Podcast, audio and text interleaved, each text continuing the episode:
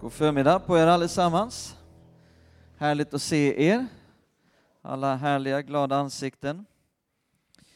Eh, Vicky skulle ha varit med den här helgen också. Vi såg fram emot det och var här tillsammans.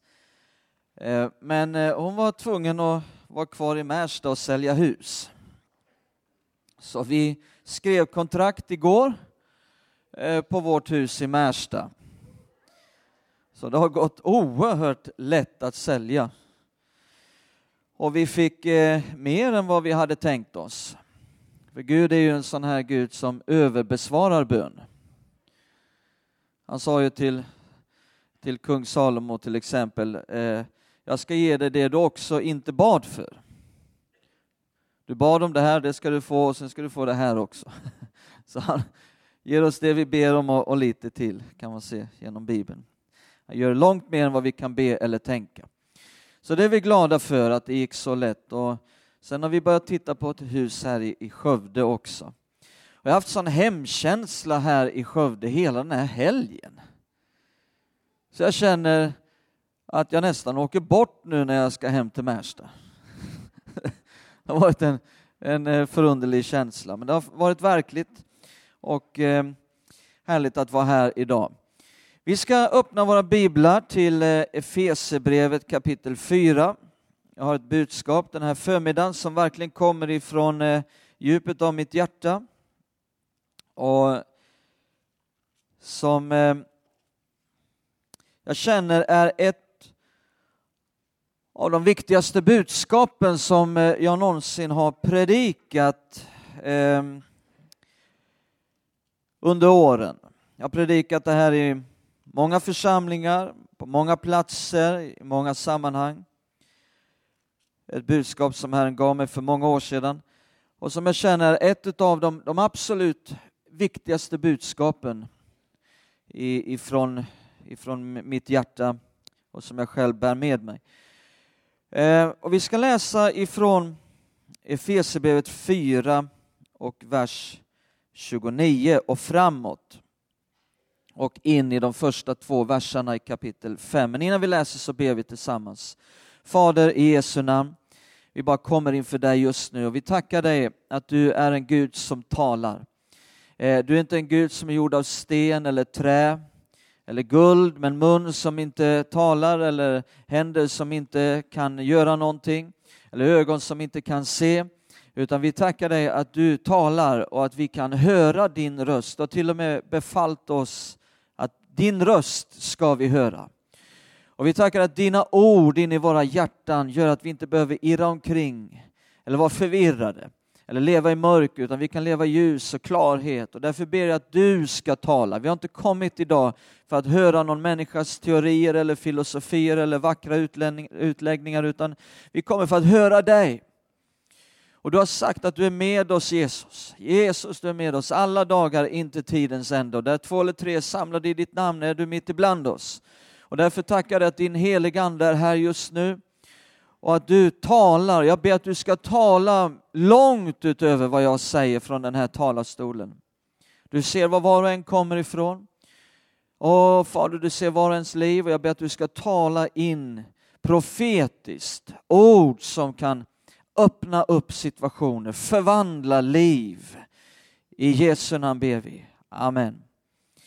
Och då står det så här, Fesierbrevet 4 och 29. Låt inget oanständigt tal komma över era läppar. Tala bara det som är gott och blir till välsignelse där sådan behövs, så att det blir till glädje för dem som hör på. Eh, bedröva inte Guds heliga ande som ni har fått som ett sigill för förlossningens dag. Lägg bort all bitterhet, häftighet och vrede, allt skrikande och smädande och all annan ondska. Ser ni här att Paulus kallar bitterhet för ondska, häftighet och så vidare och säger lägg bort det här. Var istället goda och barmhärtiga mot varandra och förlåt varandra, liksom Gud i Kristus har förlåtit er. Och så står det nu i nästa vers, vers 1 i kapitel 5. Det är inte nytt eh, ämne bara för att det blir ett nytt kapitel, utan så står det bli Guds efterföljare. Ni som är hans älskade barn och lev i kärlek. Så som Kristus har älskat oss och utlämnat sig själv för oss som offergåva, ett välluktande offer åt Gud. Så min eh, rubrik idag är Älska så som Gud älskar. Det är temat idag. Älska så som Gud älskar. Eh, här står det i vers 1 i kapitel 5, bli Guds efterföljare. Du kan följa efter Gud. Eh, den grekiska ordet här för efterföljare är väldigt intressant, det är mimetai, varifrån vi får vårt svenska ord imitera. Så vad det faktiskt står väldigt ordagrant här är, bli Guds imitatör. Imitera Gud. Och, och, och, vilket område är det vi ska imitera honom i? Ja, det finns många områden, men, men det som mer det specifikt handlar om här är eh, imitera hans sätt att älska. är det det handlar om i sammanhanget. Eh, för det står här i nästa vers, i vers 2, och lev i kärlek, eller vandra i kärlek som det står i gamla översättningen, så som Kristus. Hur, på vilket sätt ska vi leva i kärlek? På vilket sätt ska vi vandra i kärlek? Jo, så som Kristus har älskat oss och utlämnat sig själv för oss, för oss som offergåva. Eh, så, så vi ska imitera hans kärlek och det är det som verserna innan här har handlat om där det står låt inget oanständigt tal komma över era läppar i vers 29. Tala det som är gott, det vill säga spring inte runt och skvallra, spring inte runt och förtala och baktala och, och, och så vidare. Lägg bort all bitterhet, eh, eh, lägg bort all häftighet och vrede, var istället goda och barmhärtiga mot varandra och förlåt varandra. Och så står det mitt i allt det här det här sammanhanget utav att vandra i kärlek på det här sättet så står det bedröva inte Guds heliga ande. Det står inte på så många ställen, eh, eh faktum är att jag bara hittat ett i hela Nya Testamentet där det står bedröva inte Guds heliga ande. På ett annat ställe står det släck inte anden, Eh, eh, smäda inte anden och så vidare. Det är lite andra saker. Eh, den enda gången där det står bedröva inte Guds heliga ande är i ett sammanhang utav att vandra i kärlek. Och då förstår vi att när vi inte vandrar i kärlek, när vi, när vi inte lever på det här sättet, eh, så kommer vi att bedröva Guds ande.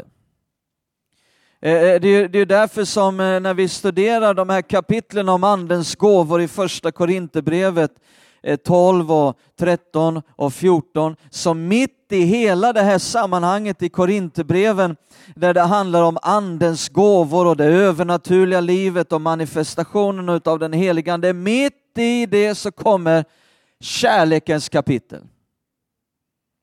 Om vi nu vill ha med den helige Ande att göra så blir det så viktigt att vandra i kärlek. Eh, på vilket sätt? Så som Gud har älskat oss. Eh, vi ska imitera hans sätt. Eh, eh, hans typ av kärlek, hans klass av kärlek, eh, hans nivå av kärlek. Eh, på det sätt han älskar, så ska vi älska. Vi ska se ett andra bibelställe som säger eh, ungefär samma sak i Johannes 13. Johannes 13.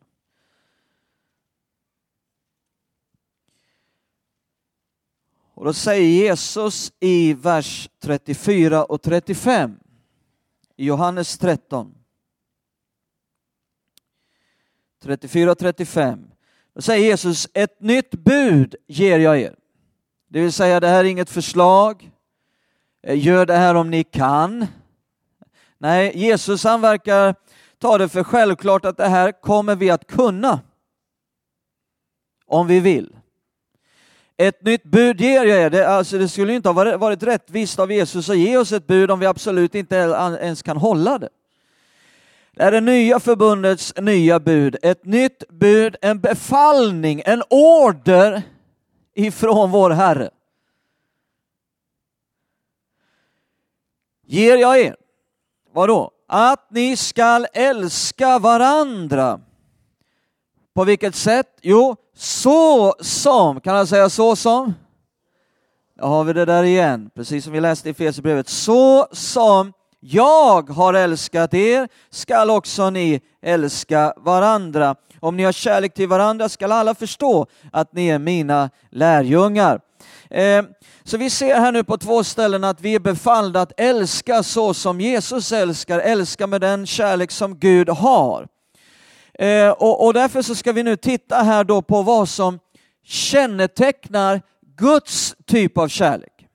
Vad är det som utmärker det sätt på vilket han älskar och som kan skilja hans kärlek från annan typ av kärlek? Och då kommer vi att se, aha, Gud älskar på det sättet, då är det så vi ska älska. Är ni med mig i den pedagogiken? Eh, och därför ska vi se det första här nu och det ser vi i Romarbrevet 5. Jag har inte med mig det i mina anteckningar här, men vi kan faktiskt läsa också vers 5 så ska du få se varför du kan faktiskt älska som Gud älskar. Vers 5 säger det, men vi ska komma fram till vers 8 så småningom här, men, men eh, jag eh, vill bara eh, flika in det här i vers 5. I Romarbrevet 5 och 5 så står det, och det hoppet bedrar oss inte, ty Guds kärlek, vems kärlek? Guds kärlek hans typ av kärlek, är utgjuten. Inte ska bli utgjuten någon gång i den ljuva framtiden efter 40 dagars bön och fasta eller efter att den stora profeten har lagt händerna på dig så kanske du kan eh, få mer kärlek. En del de ber på det här sättet att de ska få mer kärlek. Men det märker vi att det ber man inte i Nya Testamentet. Därför att Guds kärlek är redan utgjuten. Var då? I ditt huvud? Nej.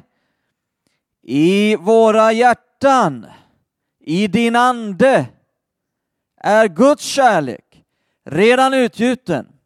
Och det är det som ger dig förmågan att fatta beslut och börja låta det flöda ut i ditt liv. Nu ska vi inte undervisa om hur det kommer fram här, men det är det som ger själva förmågan att Guds kärlek Genom den pånyttfödelsen och förvandlingen i din ande och närvaron av Guds ande i din ande ger dig den här förmågan att älska som han älskar. Ty Guds kärlek är utgjuten i våra hjärtan genom den helige ande som han har gett oss. Och nu ser vi här nu någonting som kännetecknar Guds kärlek i vers 8. Vers 8. Men Gud bevisar sin kärlek Vems kärlek handlar det om här? Guds kärlek. Gud bevisar, här får vi en bevisning, någonting som visar på hans kärlek och vad som kännetecknar hans kärlek. Men Gud bevisar sin kärlek till oss genom att Kristus dog i vårt ställe. Medan vi ännu var syndare. Det står inte här nu att Kristus dog i vårt ställe därför att du var så präktig. Eller för att du var så fin. Eller för att du hade gjort hundratals med fina gärningar. Därför kom Kristus och bevisade sin kärlek till dig eh, och visade kärlek till dig för att du hade gjort pilgrimsresor till Jerusalem och hjälpt eh, hundra tanter över gatan och, och, så vidare och varit god och trogen i att eh, offra och be och läsa bibel och så vidare. Så därför kommer nu Gud och visar att han älskar dig. Nej, inte det det står. Det står han bevisar sin, sin kärlek till dig medan du ännu var syndare. Nummer ett, Guds kärlek är kravlös och ovillkorlig. Det vill säga, den ställer inte krav på mottagaren. Att mottagaren för kärleken måste vara si eller så, göra det eller det, eh, eh, eh se ut på det eller det sättet, lukta på det eller det sättet, utan den är helt kravlös och ställer inte krav på mottagaren. Är du glad för det? Att Gud har den kärleken till dig? Då är det det sättet du ska älska på. Det är hela tiden det här det handlar om nu den här förmiddagen, när vi ser det här. Han älskade oss, bevisade sin kärlek för oss i det att Kristus dog för oss medan vi ännu var syndare. Medan vi ännu stod med knytnäven i hans ansikte så sträckte han ut sin hand med en underbar gåva. Medan vi vände honom ryggen så sträckte han ut sin rygg och lät den bli gisslad sönder och samman. När vi inte ville veta av hans namn, när vi smädade hans namn, så kallade han oss vid namn och sa kom till mig. Medan vi ännu var syndare. Eh, du vet, det finns olika typer av kärlek. Eh, Bibeln talar om det också. Det finns eh, till exempel broderskärlek. Det är en typ av kärlek. Det finns också moderskärlek. Det är en annan typ av kärlek. Föräldrakärlek. Det finns också den eh, romantiska sexuella kärleken mellan man och kvinna. Det är en annan typ av kärlek, eller hur? Den skiljer sig från broderskärlek, från den föräldrakärleken. Eh, och, och, och, så finns det Guds typ av kärlek. Och när man tittar på de här andra typerna av kärlek så kan man hitta olika områden där de faktiskt skiljer sig från Guds typ av kärlek. Du vet, broderskärlek, bara det eh, ställer ofta krav, är kravfylld. Och det är därför som eh, Nya Testamentet uppmanar oss att till broderskärleken behöver vi lägga någonting. Vi behöver lägga Guds typ av kärlek till broderskärleken. Eh, du vet broderskärleken den kan säga så här. Ja, det är vi bröder här. Dunk, dunk, dunk. Vi tycker om varandra i vår klubb. Här älskar vi varandra. Men de där borta, de tycker vi inte om. De är inte som vi, de får inte vara med här. Det är ungefär broderskärleken i, i, i enkelheten. Va? Eh, eh, och, och sen den romantiska kärleken, den ställer också krav. Och därför behöver vi blanda upp Guds typ av kärlek i den kärleken. Men jag kommer ihåg innan jag blev gift så hade jag ju tänkt mig att min blivande fru, hon skulle ju vara så här, hon skulle vara så här, och hon skulle vara så här. Liksom man kan ju förvåna sig över att jag överhuvudtaget kan ställa några krav. Men, men liksom det gjorde jag. Jag önskade mig det och det och det och, och, och, och prisad vare Herren. Där stod hon en vacker dag när solen sken mot mitt liv. Och jag kände, den här chansen får jag inte missa. Och så tog jag den och fick en underbar fru. Men ni vet, den här typen av kärlek kan ställa vissa krav, eller hur? Eh, moderskärleken ställer inga krav. Så den är väldigt lik Guds typ av kärlek i, i de här avseendena. Den, den älskar alltid sitt barn. Det spelar ingen roll vad barnet gör, eh, eh så älskar man sitt barn, eller hur? Så är det bara. Eh, och Det här är Guds typ av kärlek. Den, den skiljer sig från flera andra typer av kärlek just i att den, den älskar med kravlöshet. Eh, den älskar även när människan inte är älskvärd. När människan är icke älskvärd så älskar den här typen av kärlek. Du vet, det är ju väldigt lätt att älska när alla är fina mot dig. När alla är trevliga och säger fina komplimanger till dig och kramar dig, och, ja, då är det jättelätt att älska. Kärleken sätts inte på något större prov förrän du får en armbåge i sidan, du blir stryken mothårs och du blir felbehandlad och du blir orättvist behandlad. Det är då vi får se vad som verkligen finns i dig om kärleken kan få råda. när människor inte är älskvärda. Är du med mig? Det är då det finns en prövning för vår kärlek.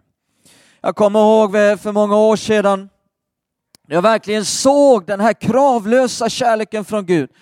Vi befann oss i Filippinerna på en missionsresa och eh, vi gjorde både ett och annat där och bland annat så besökte vi ett fängelse i en stad som hette Kalbajog. En större stad. Och det var ett väldigt speciellt fängelse. Det var också en slags eh, mellanfängelse för eh, lite större fängelse. Eh, och här samlades, man hade ungefär 50 fångar i det här fängelset. Det var våldtäktsmän, det var mördare, det var tjuvar, det var människor som hade gjort hemska grejer. Det fanns inga kvinnor där därför att eh, bara en månad tidigare så hade de mördat en kvinna i det här fängelset. Det var väldigt brutala människor som satt där.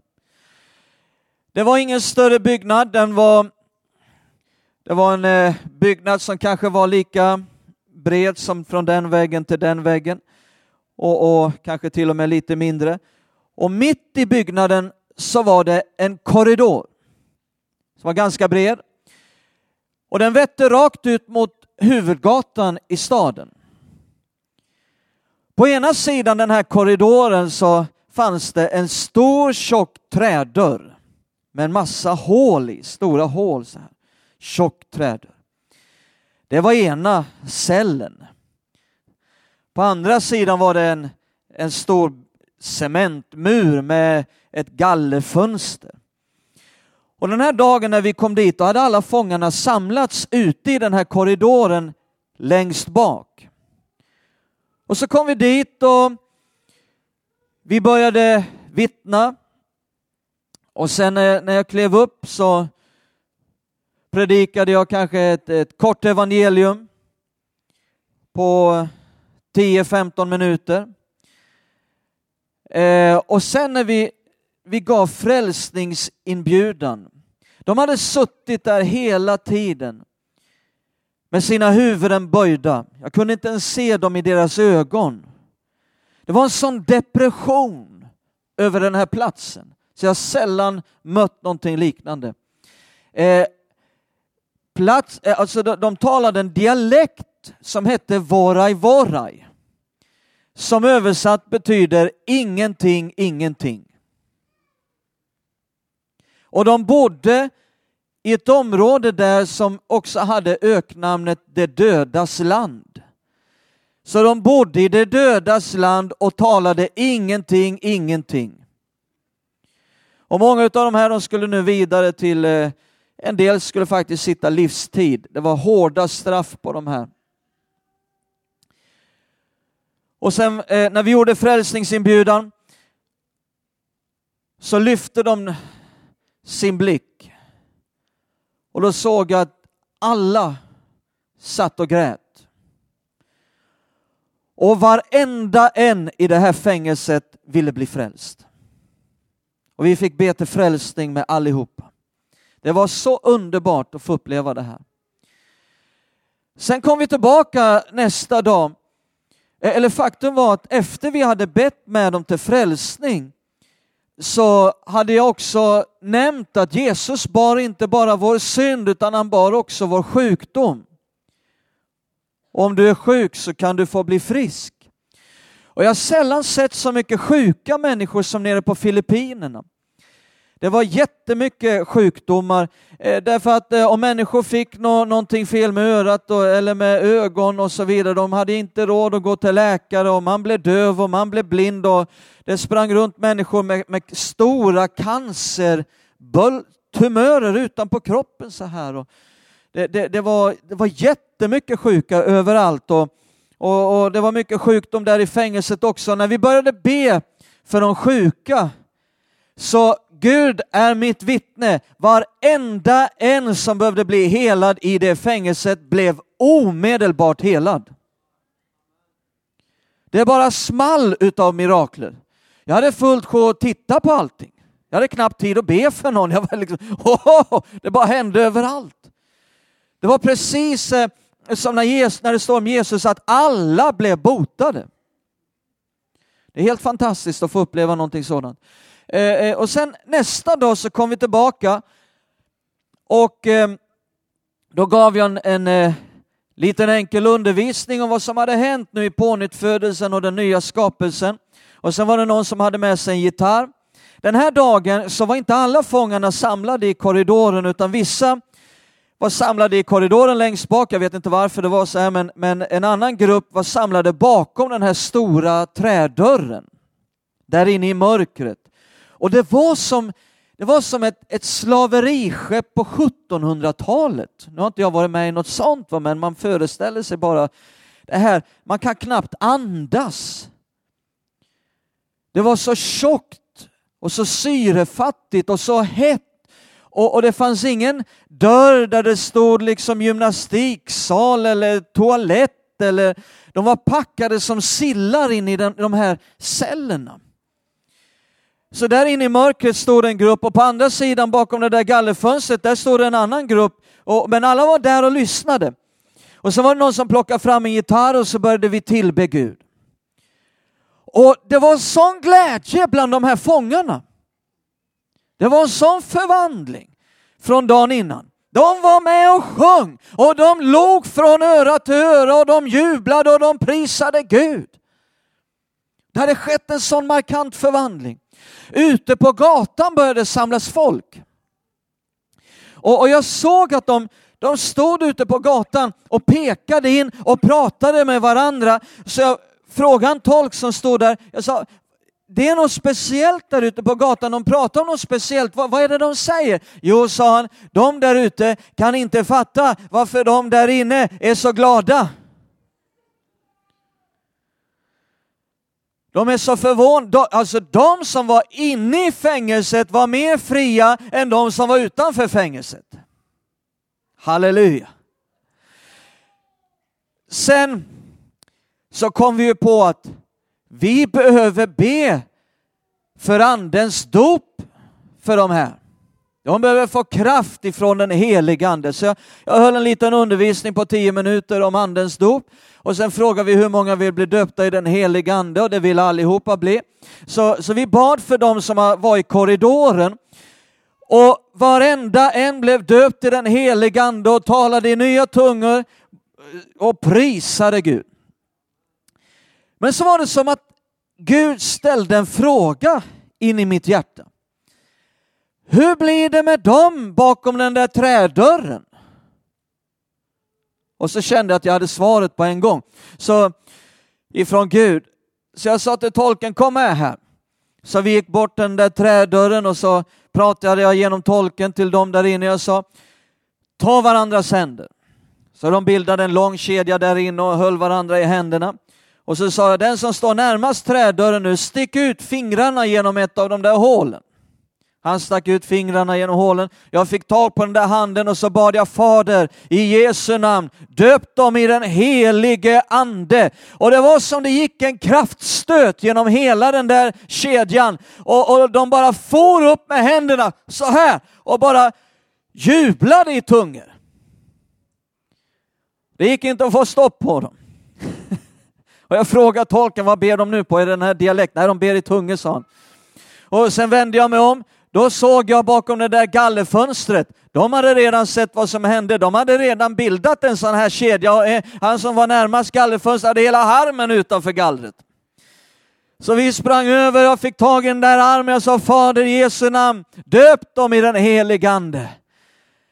Och Gud gjorde likadant. Det bara kom en kraftstöt en våg genom hela den där gruppen människor och de började prisa Gud i tungor. Och Gud förvandlade det här fängelset till en församling. Halleluja. Jag vet inte vem som var pastor, men det var en församling där. Tack och lov. Och när vi gick ut ifrån fängelset, det var sån kraft utgjuten så jag var, hade börjat bli svag i knäna men jag märkte det inte förrän jag kom ut. Men det var då det slog mig, vänta här, det här var ju våldtäktsmän. Det här var mördare. Det här var människor som hade gjort de, de mest fruktansvärda handlingar som du kan tänka dig.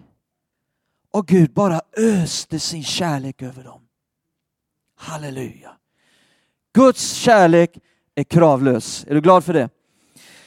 Då ska vi älska med samma typ av kärlek. Här kommer nummer två. Vi ser det i Johannes 3 och 16. Ja, men den bibelstället kan jag utan till det behöver jag inte läsa. Jag väntar, du ska se något nytt kanske här idag. Johannes 3 och 16. Vad mer utmärker Guds kärlek? Då står det i vers 16. Ty så älskade Gud. Hur då? Jo, så. Så nu, nu, nu kommer någonting som kommer att visa på hans kärlek och hur han älskar. Ty så älskade Gud världen att han utgav sin enfödde son för att den som tror på honom inte ska gå förlorad utan ha evigt liv.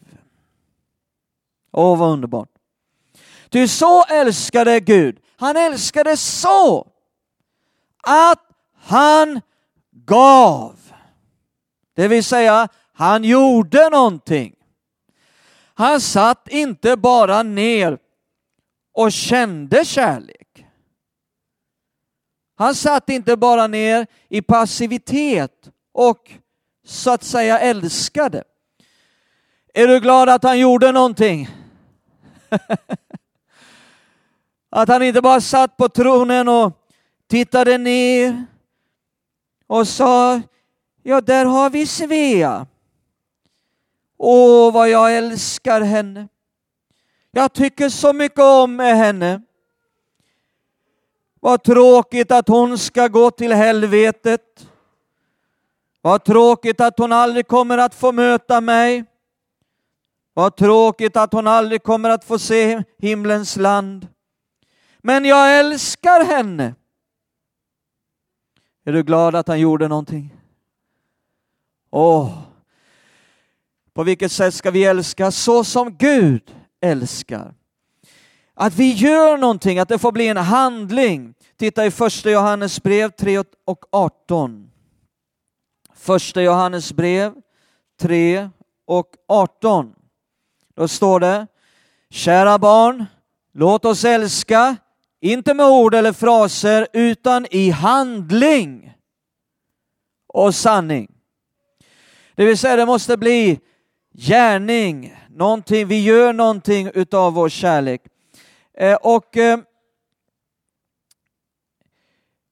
när kärleken, Guds kärlek gör någonting så utmärker den sig också i att den, den saknar själviska motiv. Det är väldigt viktigt att förstå om den här typen av kärlek. Jag kommer ihåg för många, många år sedan eh, vi fick hjälpa en människa som var svårt nedsjunken i knark, okultism. Han var, hade gått på heroin i flera år och levt på mycket på Sergels torg i den undre världen i Stockholm. Och, och det här var på den tiden vi bodde i Falun. Och när han mötte den här typen av kärlek, Guds kärlek genom oss, och vi bara älskade honom med en kravlös kärlek, så var han väldigt misstänksam. För han hade aldrig mött den här typen av kärlek förut. Den enda typen av kärlek han hade mött, det var en kärlek som om den gjorde någonting så ville den ha någonting tillbaka. Den, den, eh, det var en kärlek som alltid skulle, den var, den var inte osjälvisk, utan var någon bussig så var det alltid med en baktanke att ja, när jag får behov så ska du vara bussig mot mig. Eh, så, så det var det här han hade mött. Så han funderade, vad vill de ha ut av mig? Vad är det de vill ha av mig? Vad har de för baktanke med all den här godheten och den här kärleken? Och det tog en, en tid innan han kunde slappna av och bara ta emot Guds kärlek. Den utmärker sig i det att den är helt osjälvisk. Och här kan faktiskt till och med moderskärleken ibland, inte alltid, men det, jag har träffat på föräldrakärlek som faktiskt tenderar att bli lite självisk. Det blir mitt barn, mina planer för mitt barn. Vad jag vill, jag, mig, min, mitt. Till en sån grad att det blir ett för stort kontroll istället för att leda barnet på en rätt väg. Så blir det mina egna planer, min eg, jag vill leva ut min vision genom mitt barn. Eh, och, och, så får det inte bli. Eh, men Guds typ av kärlek är osjälvisk. Vi ska se här också i första Johannesbrev 4 och 8, om vi går fram till kapitel 4, vers 8, så hittar vi nästa sak som utmärker Guds kärlek. Första Johannesbrev 4 och 8. Nummer tre. Då står det, den som inte älskar har inte lärt känna Gud, ty Gud är kärlek. Det står inte att han har kärlek, det står att Gud är kärlek.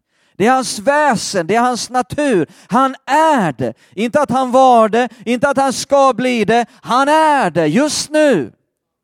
Och, och det är någonting, vad, vad handlar det om det? Eh, eh om nu då? Jo, jo, det handlar om att Guds kärlek är alltid nu. Den är alltid i nuet. Nu är den välbehagliga tiden.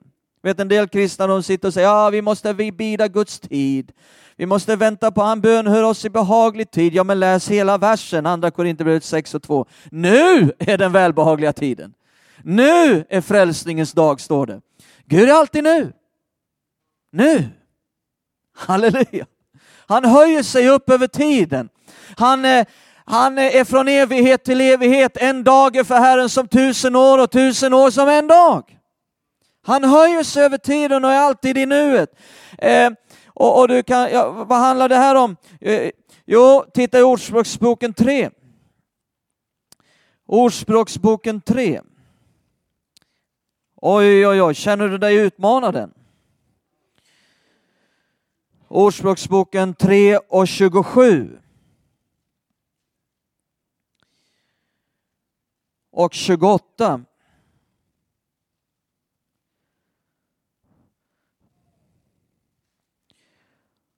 Och då står det, neka inte den behövande din hjälp när det står i din makt att ge den. Oj, vilken utmaning det var. Neka inte den behövande hjälp när det står i din makt att ge den. Ja, men jag säger du får kom tillbaka om en vecka så kanske vi kan, vi kan hjälpa till. Nej, vad står det sen i nästa vers? 28. Säg inte till din nästa, kom tillbaka senare. Imorgon ska jag ge dig, fastän du kunde. Det är en sak om du inte kan. Det kan ju vara så att du kan helt enkelt inte. Men om du kan, om det står i din makt, skjut inte upp det på morgondagen. Neka inte hjälpen. Hjälp nu! För det är så Gud älskar. Är du glad för det? Att när du kommer med ditt behov till Gud så säger inte han, ah, jag sitter och putsar naglarna nu här liksom, kom tillbaka imorgon. Jag har inte riktigt tid nu. Du stör. Ja, men du verkar vara ganska lugn, Gud. Du verkar inte vara alltför uppjagad. Eh, ja, men eh, är du glad att Gud är på det sättet? Att han säger inte kom tillbaka en annan dag. Nu hjälper han. Han sa till Daniel, från den dag du bad så har din bön varit hörd. Det var bara ett motstånd som innan det kom fram, var men samma dag du bad så hörde jag. Eh, och den typen av kärlek ska vi älska med. Det vill säga nummer ett, älska med en kravlös ovillkorlig kärlek. Nummer två, sitt inte bara ner med den här kravlösa kärleken utan gör någonting. Nummer tre, agera i nuet, nu. Och nummer fyra, min sista punkt, hittar vi i Efesierbrevet 4 och 32. Efesierbrevet 4 och 32. Vi läste förut, vi läser det igen.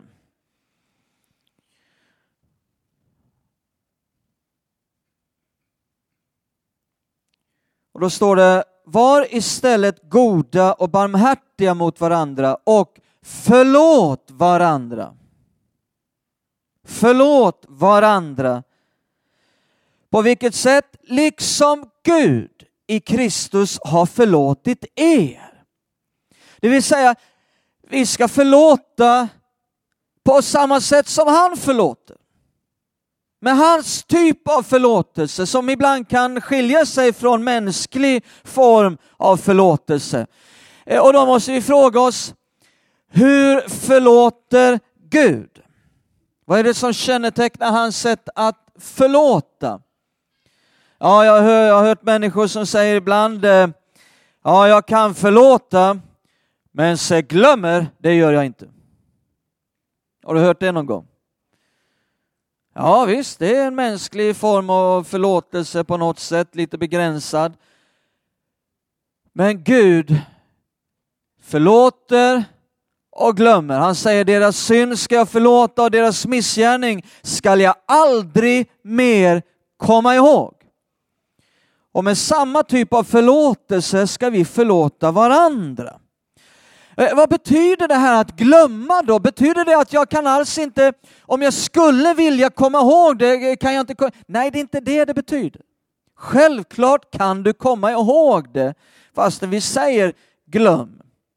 Om du vill kan du komma ihåg det. Men vad handlar det om? Jo, det handlar om ett beslut att inte tänka på det mer.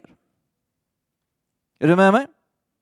Självklart kan Gud komma ihåg om han vill. Är du med mig? Eh, det är inte det det handlar om och det är inte det kravet som ställs på dig också, att du så totalt ska glömma den oförrätt som begicks mot dig så att du, du, du vet, det är helt utraderat. Det är deletat från hårddisken. Det är, nej, det är inte det kravet som ställs på dig. Utan vad det handlar om när det handlar om att glömma, det är ett beslut att inte tänka på det mer. Det vill säga om du har begått en synd och du tar upp den och du har bett om förlåtelse, du har bekänt det, du har vänt om ifrån det och sen kommer du i alla fall till Jesus och säger Jesus, jag är så ledsen för den där. Åh, jag går och grämer mig. Då kommer du få en respons ifrån Jesus som är, vi pratar inte mer om det. Och så kommer han att byta samtalsämne direkt. Det är det det handlar om när Gud glömmer. Och när vi ska förlåta och glömma på samma sätt. Eh, på vilket mer sätt förlåter Gud? Jo, han sätter inga gränser för sin förlåtelse. Utan han säger i psalm 103, eh, lova Herren min själ och allt det i mig är, det brukar jag be när jag har, har glömt att be för maten. När jag har glömt att be för maten, sen efter jag har ätit så säger jag lova Herren min själ och allt det i mig är. Nej, det är inte det det betyder. Eh, och, och, glöm inte allt gott han har gjort. Och så står det, han som förlåter dig hälften av dina missgärningar.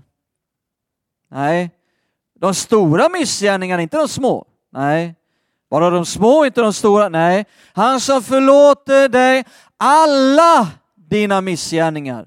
Ingen gräns.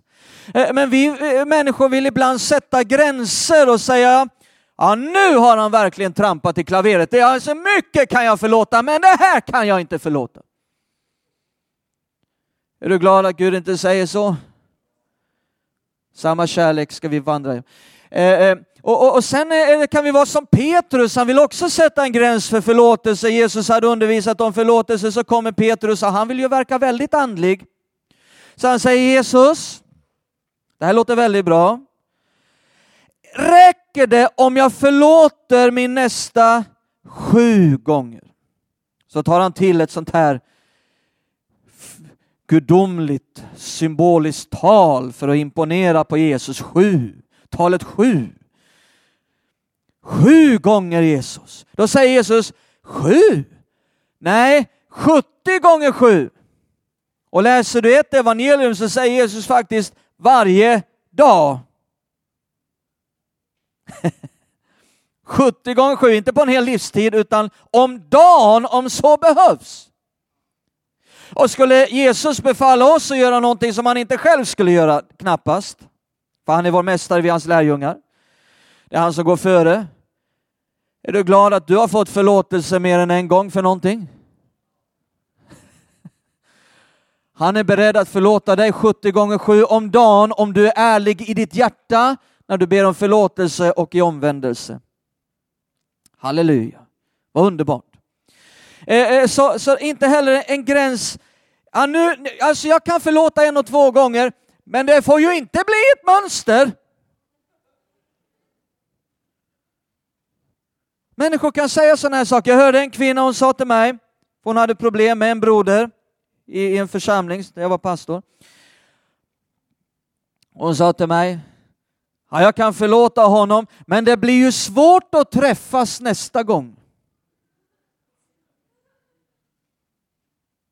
Det låter ju i och för sig rätt, liksom, men jag kan förstå alla känslor och hur själen fungerar och allt som är involverat i detta. Absolut, men nu är jag inte inne på själavården här, utan jag bara tar det väldigt kort och koncist vad Jesus säger. Jesus är ofta så radikal så det är svårt att hänga med i hans radikalitet. Men eh, är du glad att, att Gud säger ju inte så till oss? När du kommer, förlåt mig Gud. Ja, jag kan förlåta, men det blir ju svårt att se dig nästa gång du kommer inför min tron. Nej, Gud förlåter på ett oerhört sätt och med samma typ av förlåtelse ska vi förlåta. Kan jag få be någon komma upp och spela lite försiktigt? Ska vi stå upp tillsammans en liten stund och förenas i bön? Ska vi ta det här gudsordet och bara vända våra hjärtan mot Herren, bara ett par minuter. Jag skulle vilja göra en inbjudan allra sist här i mötet som jag känner är det viktigaste i den här gudstjänsten. Eh, en inbjudan till att eh, vi, vi, vi ska alldeles strax be en frälsningens bön. En bön om frälsning, en bön om förlåtelse, en bön om att himlen ska bli ditt hem. Och därför vill jag ge en inbjudan här i mötet till var och en som säger Sven, jag är inte frälst. Jag är inte en kristen, jag skulle inte kalla mig det. Men jag vill väldigt gärna bli det idag. Jag vill få bli det här som ni kallar frälst. Jag, jag vill få, få bli en kristen. Jag vill få tillhöra Jesus. Jag vill bjuda in Jesus i mitt liv. Jag vill att han ska vara min Herre. Du säger kanske Sven, jag, jag, jag skulle vilja ha det där ni talar om, evigt liv. Att himlen ska få vara mitt hem den dagen jag slutar det här jordelivet. Och det fantastiska är att, att Gud är här, han söker dig. Jesus sa, jag har kommit för att söka och frälsa det som är förlorat. Jesus, han är här idag. Han söker dig. Och han är här med den mest fantastiska gåva som du någonsin kan få. Det eviga livet. Att du får tillhöra honom.